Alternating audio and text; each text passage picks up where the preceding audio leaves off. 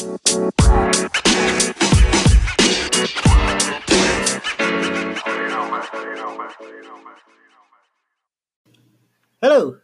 Eh, pencet. Halo. Welcome back to Segera Komentar podcast. Uh, it's been a while. Uh, I think my last post was like two weeks ago, maybe. Been quite busy with thesis and uh, assignments. So, not that you're looking forward to listening to me, or even if you do, apologize for the delay. And today we have a special guest. not that you never she's never here before. Like the, when when i have special guests it's only the option is only her. So like yeah. Say something maybe. Karetnya dua ya? Iya, what? Yeah okay. Bisa bisa. Eh, ada Eca halo Ca Hai. and we we're trying to do something new instead of kayak milih satu topic or whatever. Um, since like it's been two weeks so a lot of things are happening and uh, we the way our quote unquote relationship works our conversation works is that we literally just went from one topic to the other without any structure. And i think that's interesting sometimes. I don't know so maybe that's what we're trying to do right now and see if it works. If it doesn't, then we're gonna just pick a topic for the next one. So, but that being said, uh, I want to address the elephant in the room. Uh, obviously, there was a horrible tragedy that happens um, on March uh, 16th. Eh, even before, sorry, March 16th is the event I wanted to talk about. But yeah, the New Zealand shooting happened uh, last week, almost two weeks ago, and the Utrecht shooting also happened last week. And not that I know anybody, not that anybody that listens to me know anybody, but my thoughts and prayers are going to them. I know it's a cliche, but yeah, it's sad. There's nothing I can say that can sort of add anything to whatever it is that has been done. I think the New Zealand Prime Minister has done a really good job in sort of uh, reacting to this tragedy, and I've seen a lot of sort of sympathy. Even di di, di Amsterdam kayak ada uh, there was this giant reflections, projections, projections of apa namanya uh, the New Zealand flag Ayo. central stations, and hundreds of people come to to pray, and then there's uh, an imam there, there's a rabbi there, there's a I think Romo juga ada di situ, terus wali kota, um, the, the the mayor of the city came, mayor of the city, major, the mayor of the city also came, so it was quite uh, moving, and I've seen the a lot of Haka uh, video. If pernah lihat nggak sih Haka? Iya ya. It's very Itu tarian tradisional dari suku Maui. yeah for you people who doesn't know, who don't know, but I've I've watched Haka before this, but kayak dulu kalau dulu ada video Haka um, student farewell to their teachers and then doing Haka for them. So it's for me Haka is I, I was I'm always fascinated by Haka because it's very spiritual and it's very it's very moving. I don't know why. The first time I saw Haka video was in Moana, Really? I've never watched Uh, Moana, so maybe I should. the the Disney movie. Then after that, the Aquaman, the Aquaman guy. Rama is drinking Coca-Cola Yeah. Mango. So there's this And now he's light taste Coca-Cola exotic weird- mango now. It, it tastes weird. You know, like hmm. it's like your face it all. kamu tahu agak-agak mangga gak sih? Kayak agak-agak swallow. It literally tastes like that, but a hint of Coke. Enak dong. Cuman ada ada sodanya. Dan Coca-Cola kayak ada Coca-Colanya dikit gitu aneh banget. Dan it's not even normal Coke. It's like the the diet Coke, so it's tastes weird. Anyway, yeah. See, the it, it went well already in the, in the podcast. um, yeah, uh, Haka. Kamu bilang mau mau nge-recap soal shooting tapi jadi panjang gitu. It's not a recap. It's not a recap. I mean, now we're just It's commenting on it, so yeah, might as well go with it. No, because the reason I bring bring up the shooting is because, of course, I want to address the the horrible tragedy that happened, and but there's this one really inspiring thing done by the Australian uh, a teenager. I don't know whether you've heard of it. There's a 17 year. So first of all, there's this asshole. Uh, name I can't even Fraser Anning. Uh, he is a he is an Australian senator from Perth, I think, or Queensland. I can't remember. So basically, he's an asshole, and he said that um, I don't have the quote here, but basically, uh, his uh, intinya dia bilang kayak the shootings happened is because of the immigrants, yeah. the Muslim immigrants. So Yeah. yeah, So kayak dia bilang essentially kayak kalau mereka nggak nggak immigrate ke sini mereka nggak akan ditembak anyway. And that's that's a very racist and very inconsiderate thing to say. Even though, given that he is a right wing, like extreme right wing politicians, that's just such a shame for somebody in his stature. And I know he knows better, should know better than that.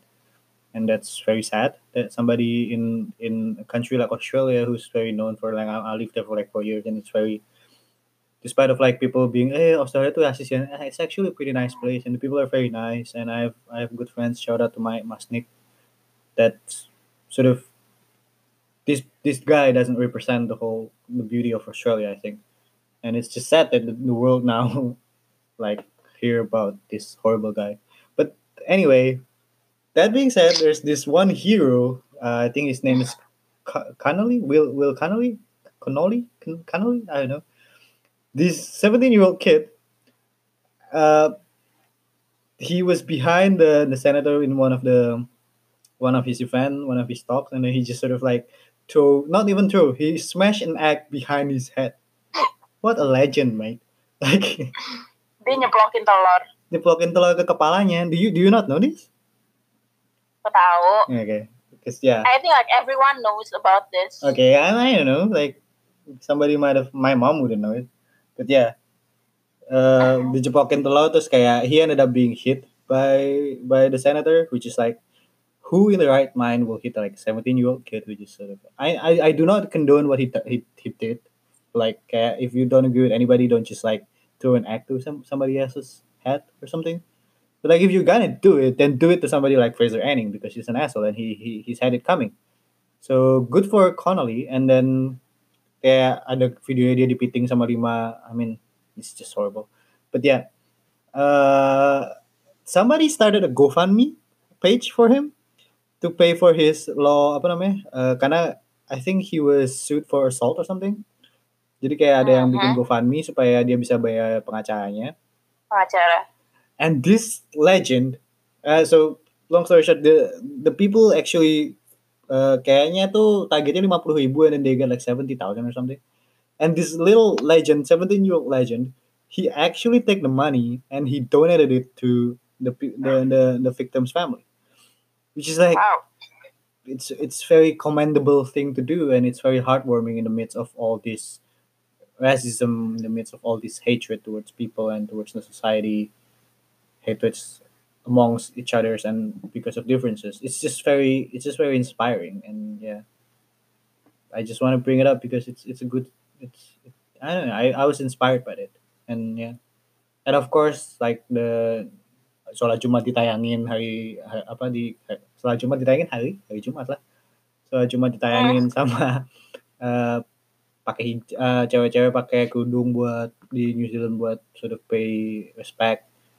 And the small things like that. Um it banyak banyak sih yang update di Indo. Kayak wah sem- apa kayak jadiin tahu sih kayak jadi Islamofobia di Indo in a way. Islamofobia Islamofobia bukan Islamofobia sih. In a way kayak eh, compare and contrast Islam di Indo sama Islam di sana terus kayak yang nih toleransi itu kayak gini kayak why can't we just I that part I don't really like. It's like I get it. It's just it's beautiful. It's it's inspiring but like you can't just compare it to Indonesian because it's different.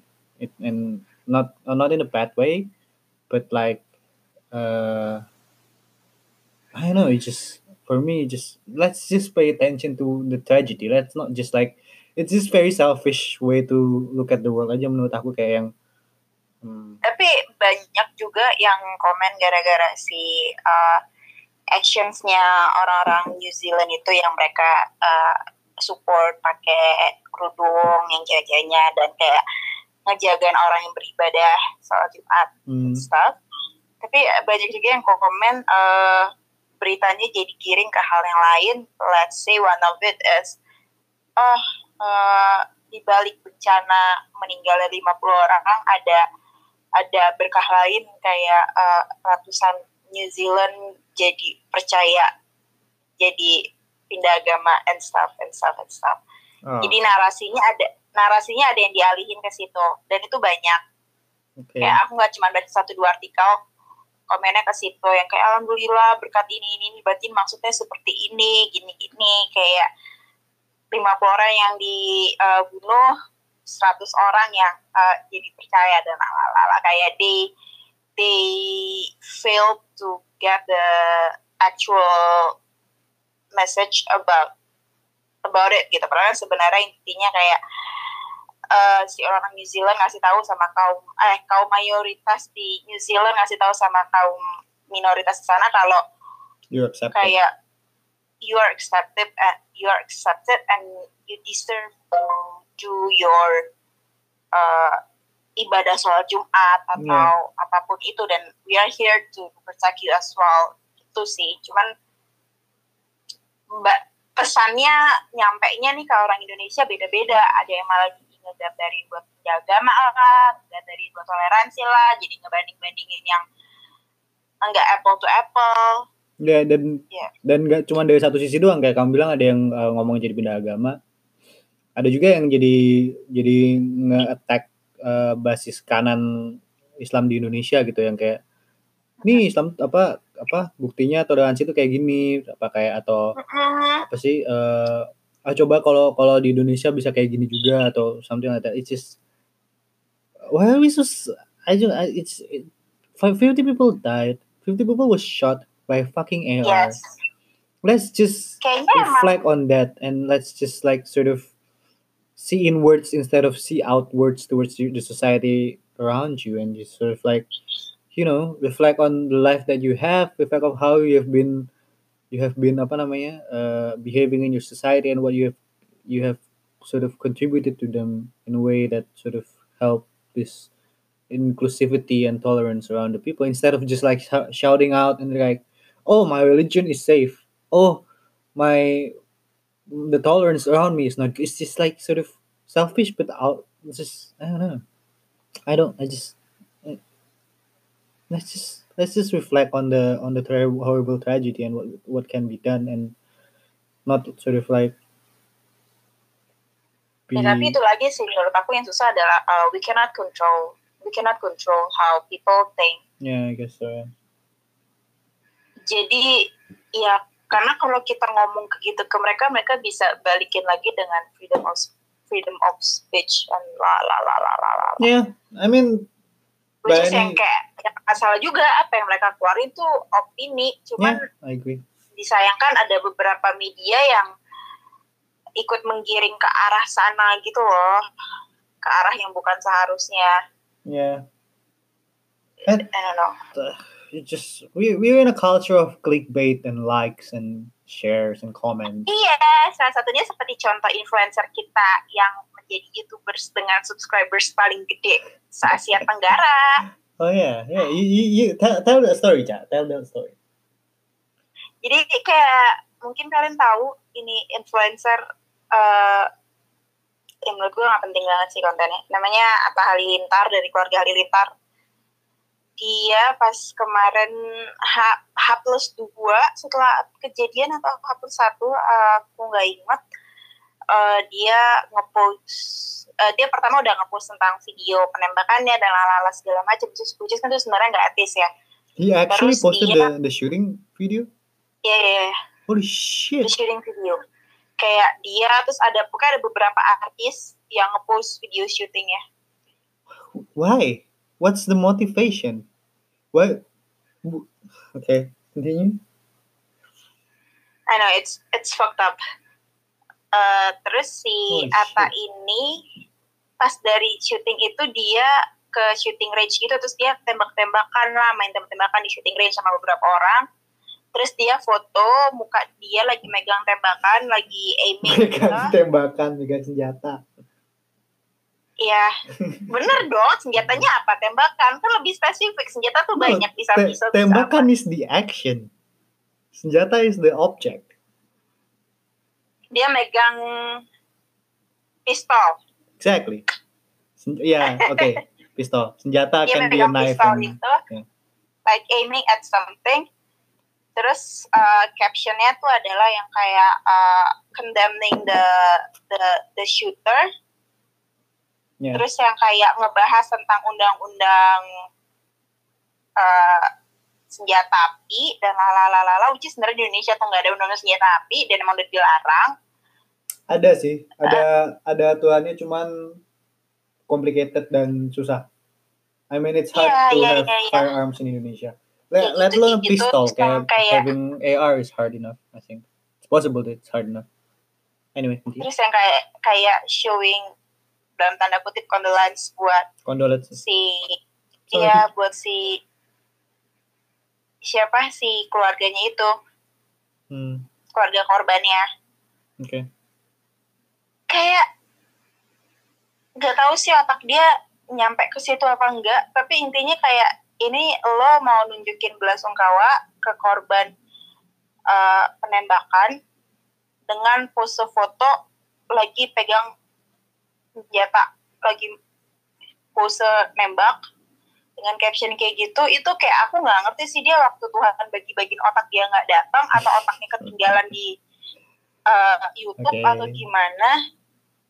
It just it just doesn't make sense. Terus kayak berapa jam setelah dia posting itu aku kayak shit aku nggak bisa tahan diri. Aku aku, aku komen kan aku komen di Instagram media aku cuman kayak intinya eh, bilang kayak di momen kayak gini lo ngepost foto kayak aku, aku komen dalam bahasa Inggris jadi kayak lo ngepost foto dengan pose kayak gini dengan caption kayak gini di momen yang lagi kayak gini tuh nggak ngebantu sama sekali bahkan postingan lo ini sangat-sangat insensitif banget buat korban. Kayak iya yang kejadian di New Zealand tuh suck banget it's very devastating. Cuman bukan gini cara lo buat nunjukin kekecewaan lo atau bukan ini cara lo buat menyampaikan duka cita lo. Udah kan? Terus kayak aku tutup Instagram aku nonton Netflix eh pas aku buka tiba-tiba kayak udah ada seribuan lebih likes gitu komen aku terus kayak wow wow wow wow wow. Aku aku lumayan ngeri sih takutnya kayak fans dia tuh nyerang aku balik atau komen hurtful things uh, di aku kan nah tadi banyak orang komen sering mention ke si Ata kayak iya nih uh, marah-marah juga kan ke si Ata terus satu jam setelah banyak orang yang mention ke dia komen aku dihapus. Hmm, komen aku hilang di Instagramnya. Terus the day after makin banyak orang-orang yang komen even dari sesama influencer pun komen di Instagramnya Ata tapi yang paling aku suka tuh komennya dari Mas Angga Sasongko eh Mas Angga Sasongko. Dia cuma bilang kalau emang intinya ya kasarnya cuma Mas Angga tuh ngomongin baik banget. Intinya kalau misalkan otak lo nggak cukup eh, mampu tuh berpikir sampai seka- sa- sana seenggaknya lo punya hati untuk ngelakuin hal ini. Terus akhirnya kayaknya postingannya hilang which I think itu sebenarnya di take down sama Instagram karena udah banyak yang report. Okay. Well, gitu. Cuman bukan dia yang nge take down karena kalau menurut aku kalau emang ya mencoba positif dia emang bego aja gitu nggak tahu kalau postingannya dia insensitif. Saat banyak dapat komen yang negatif dia akan langsung sadar kayak oh iya sorry postingan gue salah gue hapus udah bikin statement di stories atau apa. Tapi enggak. Dia membiarkan itu berjalan yang menurut aku ujung-ujungnya kayak okay give me the engagements that I want give me the money give me the likes yang ini ngasih duit ke dia intinya kayak menurut aku jahatnya dia memanfaatkan kejadian syuting ini ya cuma buat jadi dia monetize untuk diri dia sendiri which is brengsek banget yeah, I think that's the thing with with this whole like condolences thing. I know I just said my condolences and stuff, but like it's hard to sort of separate between the people who are actually like moved and actually care about it and people who just sort of like jump in the bandwagon because they care about their brand. I know Yeah. some people actually like don't do it consciously, but at the end they okay, unconsciously maybe they do it because it's, in the it's good moment. for their brand, yeah. And uh it's it's it's just like people who who share stories of even me i'm, I'm also like guilty of it i share stories of say something that happened here or something that happened in the us that i care about and i share it on my instagram stories or i share it on my twitter or whatever uh i i know i just sort of, sort of sharing a story but unconsciously i'm just sort of like telling the world that hey i read the news and this is the kind of news that i read and this is my sort of uh, the projection of my identity online and and it's it just sort of it's hard when the size of the audience is as big as Ata because then you sort of have a responsibility instead of just your own image and your own identity and it, it Yeah. becomes it becomes something that sort of some people doesn't realize that their post affects other people and dan termasuk orang-orang kayak Ata juga yang ya dia youtuber dia dapat duit dari YouTube tapi kayak eh, satu step setelah duit dan fame-nya dia tuh ada responsibility of sort of like Yes. Dan menurut aku emang dia failed public untuk figure. Hmm. untuk ngerti hal itu sih. To be fair, uh, it's it's not his responsibility in a way. I know I just said about his responsibility, but like it's also the responsibility of the platform. And it's also the responsibility of like the big media, who also perpetuated this sort of problem because, say, uh, I don't want to name names, but there are lots of media who just sort of like being clickbaity for the sake of being clickbait, and sort of like the, creating this culture of clicks and this culture of uh, this click economy in a way that shapes this uh, bubbles for people like Atta, people like Logan Paul, uh, and websites like BuzzFeed. BuzzFeed is pretty good right now, but like like you know pages like Unilat who just sort of like just share as much content as they can without actually thinking what's the implications of the content and what it means and stuff. And even just sort of like what, what you said gitu kayak video-video kejadian waktu penembakannya gitu. Like people doesn't want to see that. People just want to see okay what happened and then after they see it for like one minute looking at that guy actually killing somebody, they just sort of like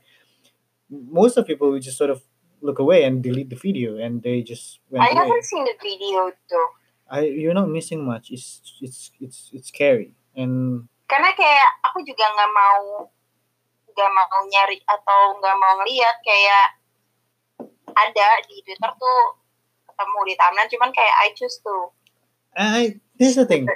I don't see why people need to see it. You know what I mean? yes me like- too Isn't it enough to know that 50 fucking people died?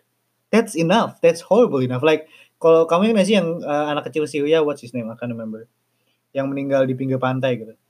Iya iya iya. And then CNN CNN decided to go with that image because they want to say that hey, this immigration problem is real. People actually died. Look at this baby. He died in the middle of sea because you don't care about the immigration crisis happening in Europe. That's a good Tapi move. kalau menurut That's aku ya, important. But like with 50 people died, you don't really need to see them dying. You know? kayak soal sharing video-video gitu, sebenarnya lebih ke arah behavior orang yang mereka mau dilihat, mau uh, they want to be perceived as some as someone who is very up to date, Yeah. tahu berita-berita terbaru dan segala macam. So mereka berusaha untuk dapetin image, dapetin video, dapetin apa, terus mereka ngeblas itu ke grup WhatsApp atau ke sosial media mereka supaya kayak, iya gue tau dari ini, ya nih lah update banget atau dari mana beritanya. Nggak jauh berbeda, dan maksudnya kayak orang kita juga kepo buat melihat hal-hal kayak gitu ya, cuma kayak pengen tahu doang, sama aja kayak misalkan kata ada orang kecelakaan di jalan, bukannya nolongin, orang-orang malah sibuk ngeliatin atau sibuk update instastory, karena mereka cuma mau cuma kelihatan update doang. Yeah. Yeah, I agree with you. Terus sama juga kayak kalau misalkan ada orang kecelakaan atau ada orang meninggal ngupload foto jenazahnya kayak I don't see the point in that. And it by the way, if if you guys thinking of like, oh ya ini Indo banget, Indo banget, I don't think it's only Indo thing. Like Enggak sih di it's luar a juga. human thing. It's it's it's the consequence of the the modern digital media platforms and we don't know how to navigate around it yet. And it just di Indo emang horrible aja sih dan emang it's sort of amplified because people are less educated and stuff. But this phenomenon Ya mungkin not- juga di Indo kan. Jadi yang kita bisa lihat konten Yeah, orang sekitar true. kita ya sama orang Indo aja. tapi fenomena ini nggak eksklusif di Indonesia doang gitu dan uh, Iya iya. So we cannot just blame like one group of people or the other. It's just sort of maybe you can take this this sort of discussion as a reflection of how you conduct yourself in social media. You just sort of like um every share, every every whatever everything that you share on social media means something. Even if it doesn't mean anything to you, it can mean something to other people. Like you have control of what you want to say, but you don't have control of what people are going to take from what you say. And that's what you need to uh, sort of keep in your mind that uh, people are gonna sort of appropriate the thing that you said differently than what you intended it to be. And in a Tapi college, kadang orang yang masih sengaja tahu update sesuatu di sosmed karena mereka emang punya tujuan tertentu emang ya iseng yeah, aja yeah, yeah, uh, yeah, I agree. And but the thing is kayak tujuan mereka sama apa yang orang terima bisa beda gitu loh kayak mismatch. And that that you can't control and that's the that's what I'm trying to say is that you can have intention, you cannot have intention. It's whatever. It's your social media. You have every freedom and every right to do whatever you want with it. But Yep. don't complain or don't be surprised when the feedback is not as the way you want it. If that makes sense. So yeah, I don't know, it's just it's kind of sad because like these tragedies become like the the center point of this uh me first attention this sort of like digital culture. And it's I know. I know yeah. Kind of sad.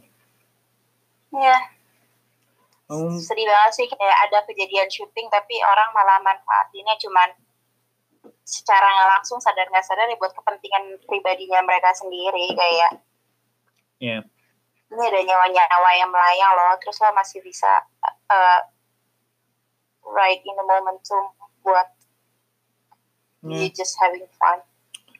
Maybe the takeaways here is just like do you do we really need to weigh in in this sort of discussion sometimes? Like when tragedy happens just think of think think to yourself like do we need to say anything about it? Or do we just or it doesn't matter? And if the answer is doesn't matter then don't say anything i guess.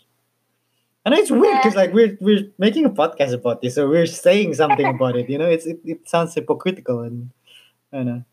Anyway. Uh, Hmm. enggak sih lebih karena gini if you cannot say something good just don't say anything at all. Yeah. kalau kamu ngerasa apa yang kamu omongin itu nggak ada faedahnya buat orang lain atau nggak membawa dampak yang baik atau yang kamu ucap itu cuman apa ya memancing suatu hal yang negatif ya you yang gak usah nggak usah diomongin mbak yeah atau kalau And- misalkan kamu kamu nggak sadar kamu mengucapkan hal-hal bodoh terus ada orang yang kasih input ya kamu harus tarik balik omongan kamu let's say kayak ya Yeah. sorry uh, I'm sorry for saying that stuff. Or apologize. Gitu ya.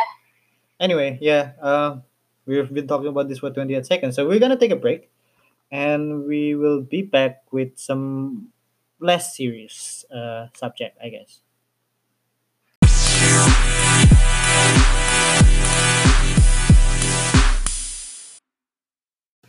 Welcome back. Um, as I said, it's going to be less serious, and the demam di social media saat ini adalah MRT, I guess. Is it fair to say that? I I feel like everybody in my social media at one point is sharing about their free trial MRT and stuff uh, in Jakarta. iya iya iya What do you, and I don't know. What do you want to say about the MRT? Eh, congrats tim MRT Jakarta yang akhirnya berhasil launch setelah lama-lama kayak kita harus appreciate usahanya mereka And I gotta say, from the picture, it looks good. The station looks it looks good. good. It looks good. good. Even the station, even It's the station good. terus kayak halte-haltenya gitu tuh Yeah. bagus banget aku lihat dari luar. Eh, dan katanya udah lumayan terintegrasi dengan eh, Transjakarta dan lain-lain kan. It's good. Cuman nggak tahu kayak aku pernah ngomong sama kamu tahun lalu atau kapan aku lupa atau aku ngomong sama orang lain. Hmm. Kayak iya nih aku ngomong kayak MRT ini bagus banget buat Jakarta suatu perkembang eh, suatu langkah yang maju banget. Tapi orang-orangnya siap apa enggak? Karena aku kan tiap hari naik uh, kereta komuter lain kan berangkat kantor terus kayak orang tuh masih belum tahu cara ngantri yang benar terus untuk beli tiket di state vending machine sendiri sama ada loket itu orang bisa ngantri muter-muter di loket tapi vending machine-nya tuh kosong mereka nggak mau pakai vending machine bukan nggak terus mau sih nggak even tahu. buat even buat cara masuk gate aja kadang ada yang red card-nya di mana masuk gate-nya di mana. Masuk kereta itu orang belum keluar udah masuk. Kayak attitude attitude seperti itu masih jauh banget yang di kereta. Di kereta tuh ada jelas ada tulisan lo nggak boleh makan dalam kereta nggak boleh apa. Terus kayak ya udah they just they just don't care. Cuman bilang kayak hal sesimpel kayak ngantri depan pintu MRT kan udah ada garisnya tuh kita ngantrinya di bagian kiri sama sebelah kanan kan. Hmm. uh, supaya orang keluar dulu dan kita nanti orang tua baru kita boleh masuk. Dan MRT itu kan nggak ada nggak ada nggak ada masinisnya.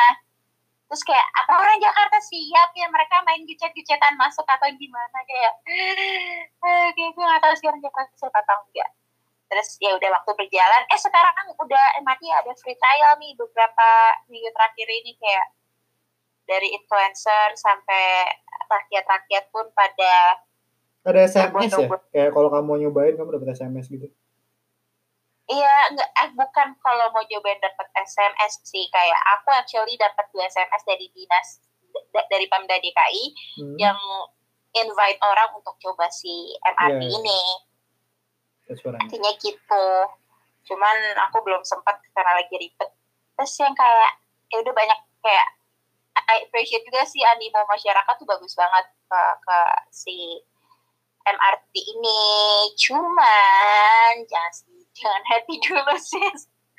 Kayak hari ini tuh banyak banget image-image jelek di sosmed yang aku lihat dari yang uh, pertama ada ibu gelantungan di dalam MRT berdiri di atas bangku gelantungan what do you mean Ada. gelantungan kayak kamu tahu gak sih handheld eh yang buat mereka pegangan itu kalau kita berdiri hmm. Kayak ibu itu kayak ala-ala gimnastik gitu loh di dalam MRT terus Wah. berdiri berdiri gelantungan di atas bangku just for the sake of Hmm. picture I mean that's funny it's, it's that's not funny that's not how you take care of public transportation Well, okay. Well, before you go there, I mean, I mean, you just continue first, maybe. Go with the nasi padang one, and then I can comment. Terus ada orang yang eh, ngantrinya di pintu keluarnya bukan di kiri kanan, tapi di pintu orang keluar jalan di depan-depan itu. Terus yang buang sampah sembarangan, sampai yang paling epic sih menurut aku adalah di salah satu stasiun, nggak dikasih tahu stasiun mana. Kayak banyak banget saking kayak rame orang ngantri, mereka pada duduk-duduk di pinggir, gelar gelarnya atau gelarnya dalam gelar, mereka duduk gitu, terus mereka makan nasi padang nunjuk kayak orang lagi piknik di Ragunan, kurang bawa payung sama kacamata, Hmm, kayak mentang-mentang ini gratis, terus kayak animo jadi gede, mereka mikir ini jadi kayak wisata, mohon maaf, okay, I have I have a different position and point of view from you. Uh, I mean, I agree. I, I agree that um, the behavior is sort of quote unquote kampung. Uh, cuman I don't know. I feel like karena aku juga ngeliat sih ada ada yang update kayak oh ini kayak I'm I'm sure that there's this one picture with this one old guy yang nggak ngantri terus kayak semua orang nyebarin itu foto jadi kayak semua Instagram stories orang pasti pernah ngeliat um, yang kayak ya itu yang tadi kamu bilang berdiri di depan pintu keluar terus kayak nggak berdiri kanan kiri stuff. I don't know. I mean, I agree. I agree that they he, he shouldn't done that. I agree that it, it will be better if he's on the he's queuing on the right. Excuse me, that was disgusting. Um, I mean, I just drink like a can of soda. So anyway, ya yang kanan kiri terus nanti kayak di Singapura atau di mana. Cuman kayak like man milenial ngahak ngahak. Anak milenial kaum menengah ke atas ngehe gitu, kayak aku ngasih. Karena kayak dude you're talking to people who we've never been to something other than a bus maybe or bajai or whatever. You're talking to people who just not even high school graduate and you're expecting them to sort of behave the way that people here in the developed country behave towards the apa namanya towards the public transportation. And hey who's to say that public transportation di sini lebih orang-orangnya lebih behave anyway gitu. Banyak kok orang-orang sini juga yang apa namanya eh, nggak ngantri atau apa namanya eh, makan di dalam metro atau makan di dalam tram eh, when we're not supposed to can and it's it's it's easier to say that it's more organized here because we have less people here. That's the the thing that people always forget. Karena we have to remember in Jakarta is the most uh, uh, populasi paling padat tuh ada di Jakarta. Dan popula um, I dare say that Jakarta has the same population as the Netherlands maybe. I don't know. Like we have so many people. Santai, coba di Google dulu. I don't know. I, that's why I say I dare say. Jakarta population berapa 9,8 juta ya oke Let- Populasi orang Jakarta tuh dikit, tapi yang banyak itu populasi kalau hari kerja orang dari Bekasi, Depok dan lain-lain yang ke Jakarta. Okay, here's the thing. Here, here's the he, uh, okay. Maybe Amsterdam is not uh Netherlands population. Okay. Sumpah mekanik keyboardnya. Uh, populasi Belanda seluruh Belanda ya 17,8 juta. Populasi Jakarta 9 juta nggak termasuk Bekasi dan sekitarnya. I mean that's Tengahnya. yeah. And Belanda, I mean dibandingin Jakarta ya gedean Belanda sih. Jadi kayak you know. So, oh no. I don't know whether that says anything or whatever.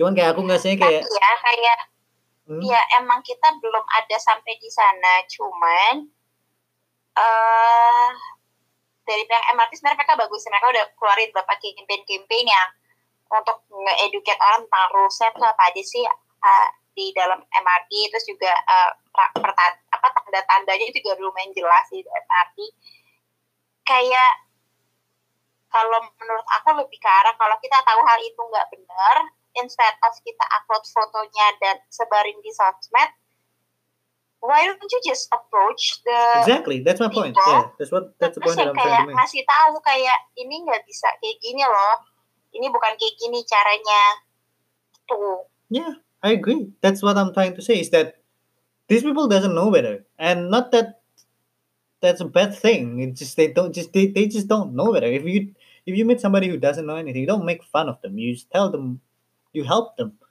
You know, like you yes sih you guide them. Kadang aku suka nggak tahu ya kayak tujuan sama juga suka bingung sih. Kayak misalnya kalau aku lagi ngantri di loket di stasiun kereta itu kan jelas-jelas ada tulisan batas antrian ya. Yang kayak orang tuh baca mereka bisa baca tapi udah they just don't care. Tanda-tanda itu kayak maju-maju aja. Cutting the line ya cutting the line aja. Yeah. cuman aku emang karena suka jadi orang yang super nyebelin sih kalau soal masalah gitu. Kayak aku bodo amat gitu kayak mau itu ibu-ibu atau mau siapa kayak kalau mereka cut the line atau apa segala macam kayak aku nggak akan segan-segan untuk nyuruh mereka untuk negor dan nyuruh mereka pindah ke belakang.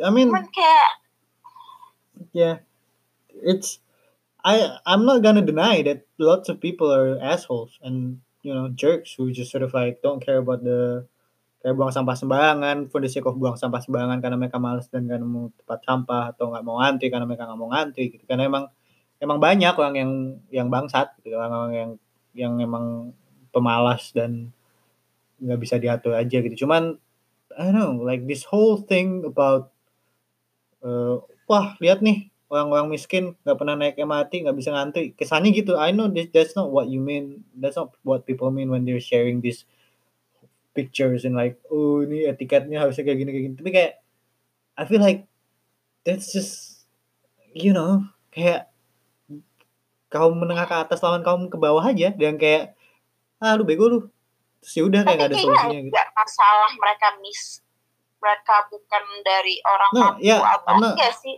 I'm not saying I'm not saying that's the intention. I'm saying that that's the per- perception that I get from sort of this sort of post. You know? Iya sayangnya tapi banyak orang yang jadi dia mikirnya kayak ya udah karena mereka nggak punya duit ya mereka jadi nggak behave. Padahal sebenarnya kalau kita lihat nanti sehari-hari pun uh, oke okay, kayak MRT ini baru ada di daerah uh, Bundaran HI di situ daerah perkantoran ya, ya yang di situ orang kantoran pasti yang kebanyakan pakai kan? Hmm. ya let's see aja later kayak masih tetap teratur atau enggak. Kalau enggak kan berarti sebenarnya bukan masalah yang pakai tuh orang educated atau uneducated emang mindsetnya aja kayak banyak kok orang yang udah pendidikannya tinggi tapi mindsetnya tetap aja males tetap aja males ngantri tetap aja apa. Tapi anehnya saat mereka keluar negeri mereka bisa jadi orang super taat aturan. Yeah it's very That's confusing sih. It's very confusing and it's hard to judge. It's hard to you know like I'm take a. I'm I'm turning into a pretentious uh, master student right now. Um, there's this uh, book from Michel Foucault. If you don't know who Michel Uh-huh. Foucault is, uh, he is a French philosopher who's very whose ideas and works are very sort of looked up upon by the social scientists and in the media studies as well. And he has this sort of um, I think the the book one of these book is Madness and Civilization, where he talks about the relationship between power and knowledge and how sort of uh, knowledge is created by power and power is created by knowledge. And sort of like create this fish, uh, vicious cycle of sort of uh, power control over the people. And this is like the worst way of saying what the, the idea of Michel Foucault. But uh, there's this thing called the panopticon. Uh, kayak apa namanya? Um, sort of uh, an experiment that he made, which is basically this big uh, prison. Kayak you can Google what panopticon looks like. So basically, there's this huge pillar in the in the middle where you can say where where, where the guards can see every single uh, inmates, every single people who are inside the jail, and it just sort of creates the the inmates ka, kayak mereka nggak bakal tahu kalau dia lagi diliatin sama guard apa enggak. So they will just assume that they're being watched by the guards and they just sort of like behave 24/7 and and this is this relates to sort of the production of knowledge and the production of power in, in terms of how this how the sort of the elite or the bourgeois or the the people who have the education and have the money and have the power sort of creating this idea of normalization this idea of sort of what's okay to do and what's not okay to do in the society. And the normalization sort of dictates the way the society um, behave. And it makes sense sort of when kayak makanya kalau kalau kamu kita pernah ada ekspresi orang di Indonesia nggak pernah ngantri tapi begitu keluar negeri ngantri atau uh, orang bule bule di di Melbourne taat aturan sama lalu lintas di Indonesia mereka naik motor nggak pakai helm gitu. That's that's how sort of like that's I, for, for me it exemplifies his idea of normalization where uh, this this power this knowledge power sort of balance works in Uh-huh. certain in a certain way in certain society and it doesn't work in certain way in certain society so and that's uh, if the case in in Indonesia that uh, misalnya kalau di Indonesia harusnya ada orang ada this sort of uh, normalization of people ngikutin aturan gitu? I don't think that's the case. Kalau kalau kayak you know what I mean like um if the the right it's not about the right thing to do but it's about what the what the society sort of have a consensus towards of what to do, what what's right to do. Jadi kayak the fact that di Indonesia masih pada nggak taat aturan berarti emang the, the the power knowledge on the the normal is the, the normal thing to do quote unquote is to not follow the Uh-huh. rule then because if the normal thing to do is follow the rule then there won't be these all people who just sort of like nggak ngantri atau nggak buang sampah sembarangan. Tapi the fact that that thing still happen and that thing still a problem is still a problem means that ya emang the quote unquote normal thing to do is still to do that. Does that make sense? Yep, yep.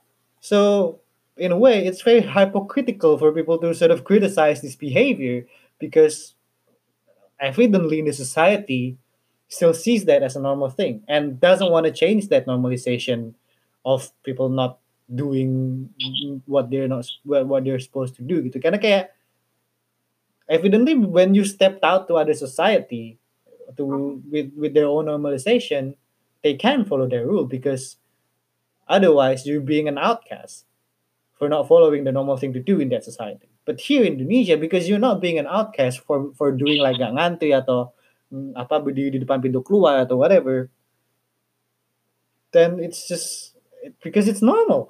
Jadi kayak the blame is not to the people who sort of in a way who sort of like not following the rule. The blame is to the Mhm. the whole society because they they fail to make this um apa sih this culture or this normalization of following the rules. So yeah that's my pretentious masters uh, the thing that I've learned for the past six months and I'm done I don't know that's Michelle Foucault 101 people that's not the right thing the- it's Insert clapping back sound here. easy clap clap clap Yeah, but like I, there's more to Michelle Foucault than what I just said. What I just said is basically just like not even one percent of the, and I don't think I'm even correct. But yeah.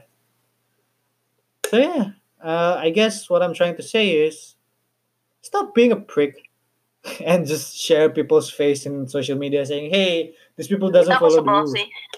It's like, yeah, I mean, what do you expect? Like, responsibility-nya bukan di mereka, responsibility-nya ada di kita juga gitu. Bahwa kita harus bikin culture untuk ngikutin untuk supaya orang bisa kita harus bikin culture yang kondusif supaya orang bisa mengikuti peraturan itu.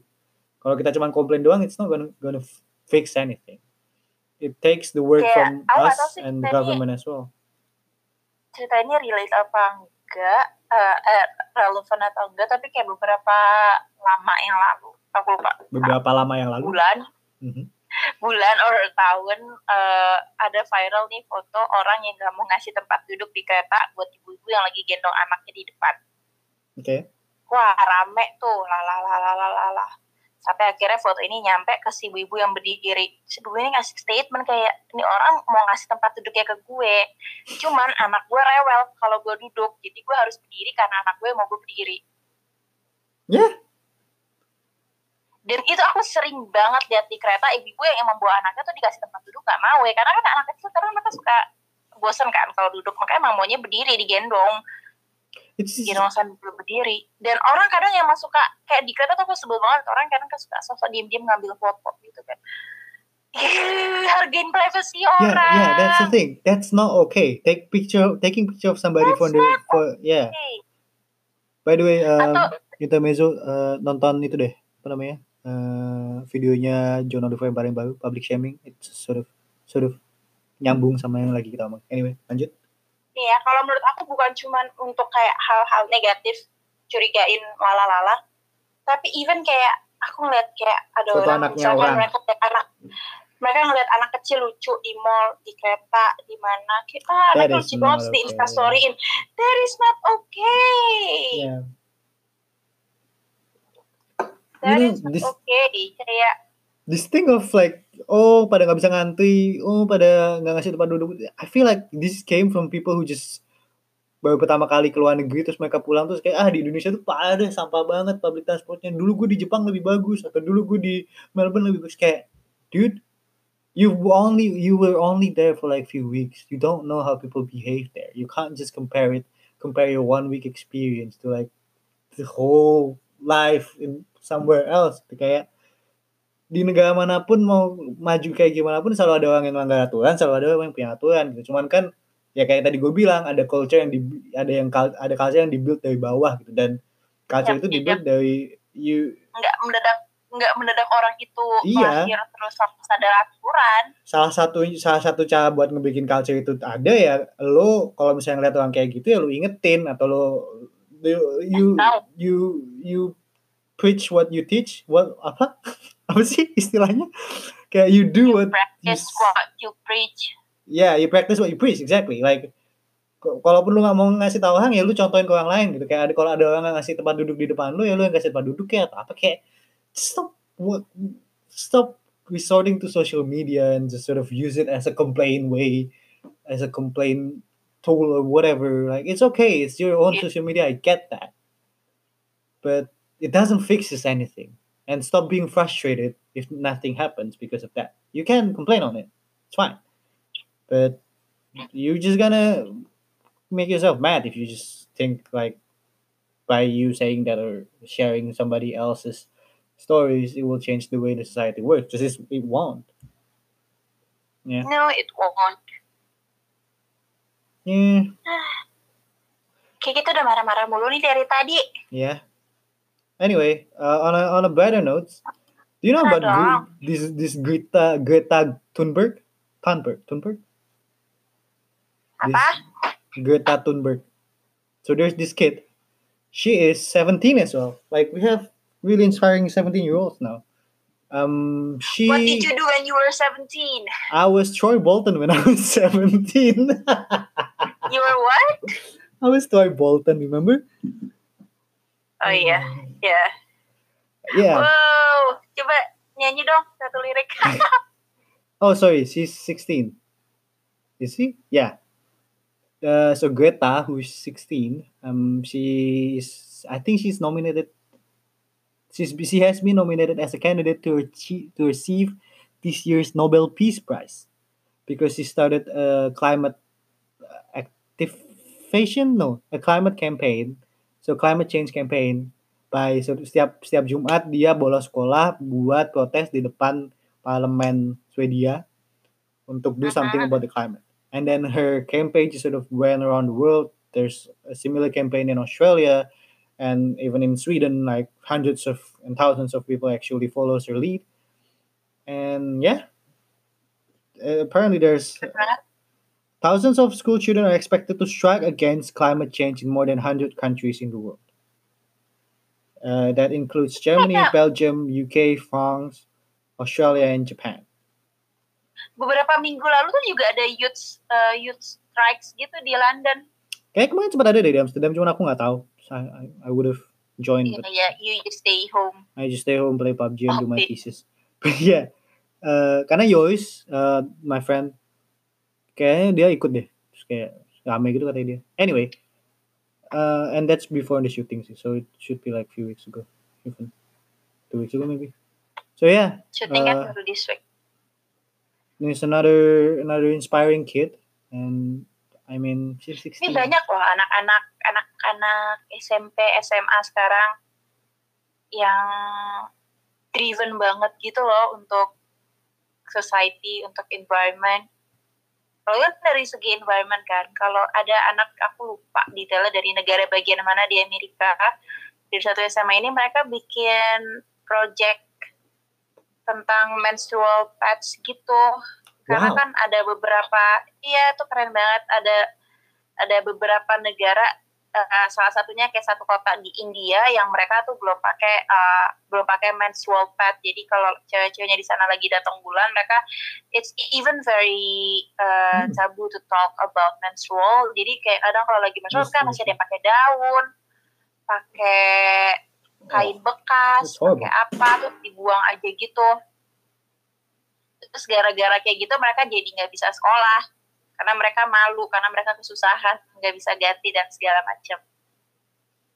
Jadi berhubungan sama eh, mungkin kita nggak akan pernah period lo cuma gara-gara period lo bisa eh, nggak nggak sekolah, tapi it it happened.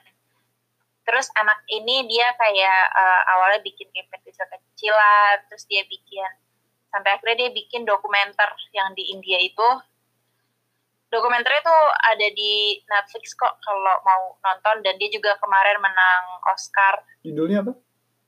uh, period uh, should an uh, sentence not an education not Okay. or, or not the girl's life Oke. Eh, Period intinya itu tapi kalau judul. Netflixnya kalau nggak salah period end of sentence Oh, that's a very good pun. I love it. I love a good pun. very good indeed aku tuh pas kemarin pas nonton bisa kayak wow Wah, apalagi kan aku lagi ngerjain project yang emang terkait sama feminine uh, feminine hygiene kan. Terus kayak jadi aku lagi banyak research tentang Yeah. feminine hygiene ya. Akhirnya aku aku ketemu tuh tentang si project uh, period ends of uh, end of sentence. Itu ternyata yang bikin anak SMP, Yeah, apa like, SMP gitu di Amerika.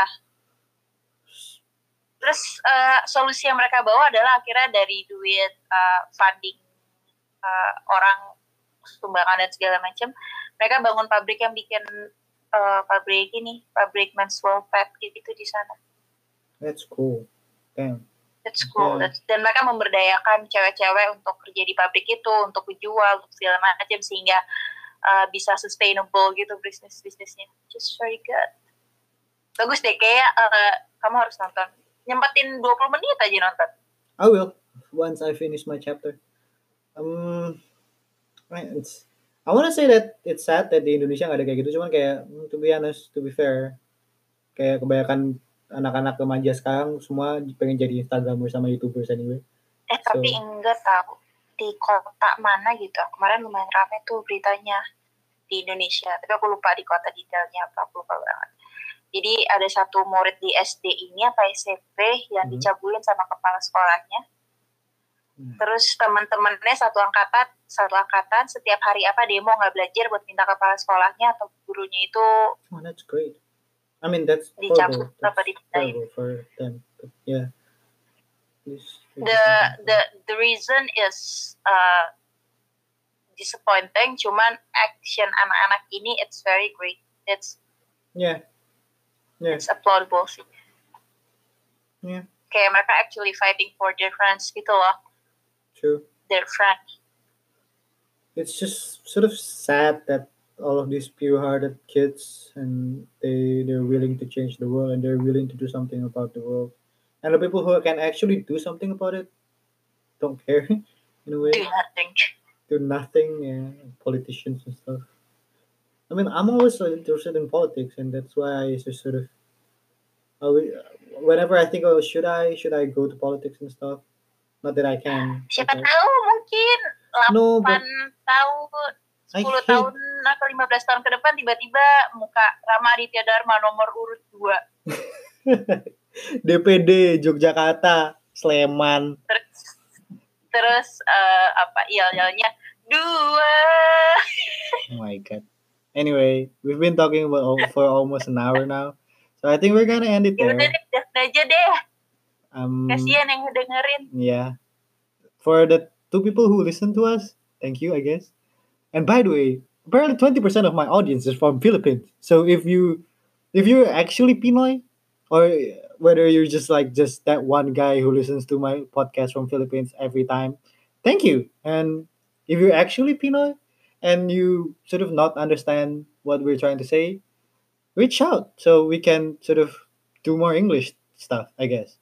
mahal kita Maha kita, uh, maha kita tuh apa ya? mahal kita What's that? mahal kita Yep. What does mahal that kita mean? means ihlibedi Ah, I see. Uh, I see too. Yeah. Okay. They Nice. how fun ya Okay. I, I don't even know how to say it in Dutch. you. But okay um thank you for listening and we we or i will see you in the next episode Bye-bye.